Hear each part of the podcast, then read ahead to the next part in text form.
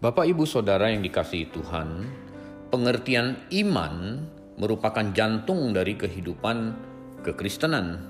Kesalahan memahami pengertian iman tentu berakibat sangat fatal.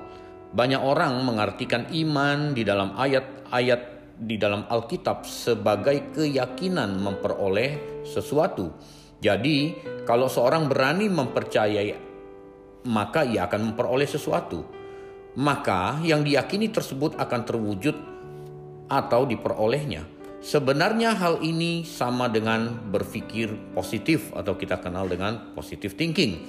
Padahal berpikir positif atau positive thinking itu sendiri bukanlah iman Kristen.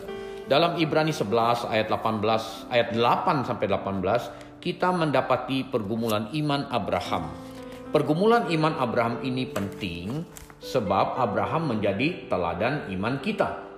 Dialah bapak orang percaya. Artinya orang percaya harus memiliki jenis dan kualitas iman seperti Abraham.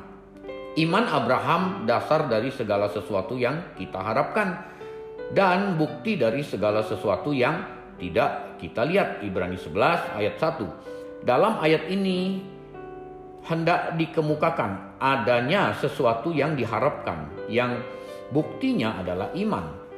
Apakah sesuatu tersebut?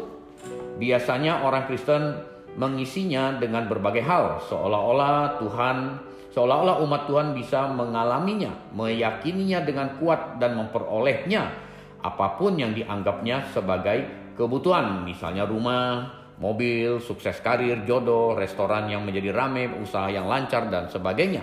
Maka mereka akan memperolehnya secara ajaib. Ini adalah pemikiran yang salah, bahkan menyesatkan.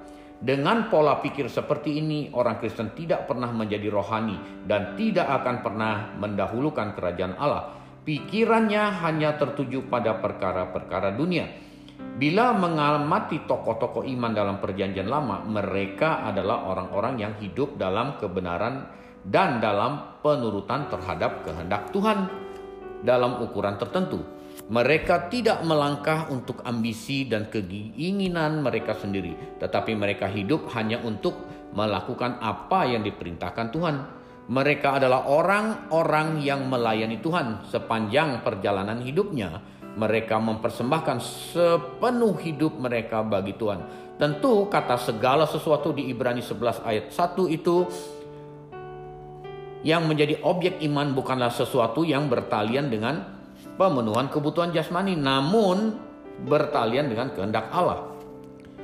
Pada dasarnya objek iman mereka adalah Tuhan sendiri, yaitu bagaimana melakukan kehendak Tuhan.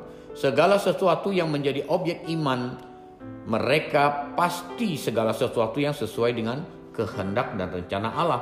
Untuk ini, marilah kita memperhatikan kehidupan Abraham untuk memperoleh apa yang menjadi objek iman Abraham.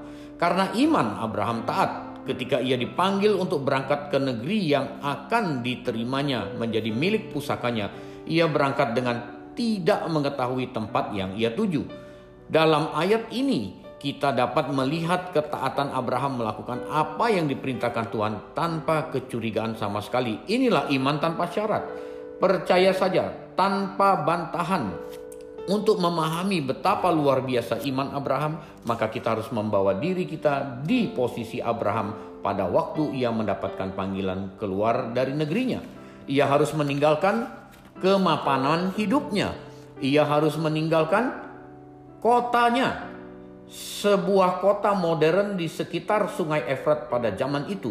Abraham sudah makmur di sana, usahanya sudah lancar, sudah banyak penghasilannya. Kalau dibandingkan dengan zaman sekarang, kota itu sejajar dengan kota metropolitan. Penjelasan yang paling umum, Ur juga disebut sebagai Uri atau Tel El Modern, 14 km sebelah barat Nasireh dekat sungai Efrat. Nah Bapak Ibu Saudara, Abraham tidak mempertahankan apa yang dia miliki.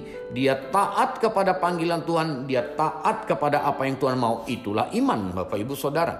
Nah, jadi iman, apa itu iman bagi orang Kristen? Iman adalah bentuk ketaatan kepada kehendak Allah, apa pun yang Allah kehendaki.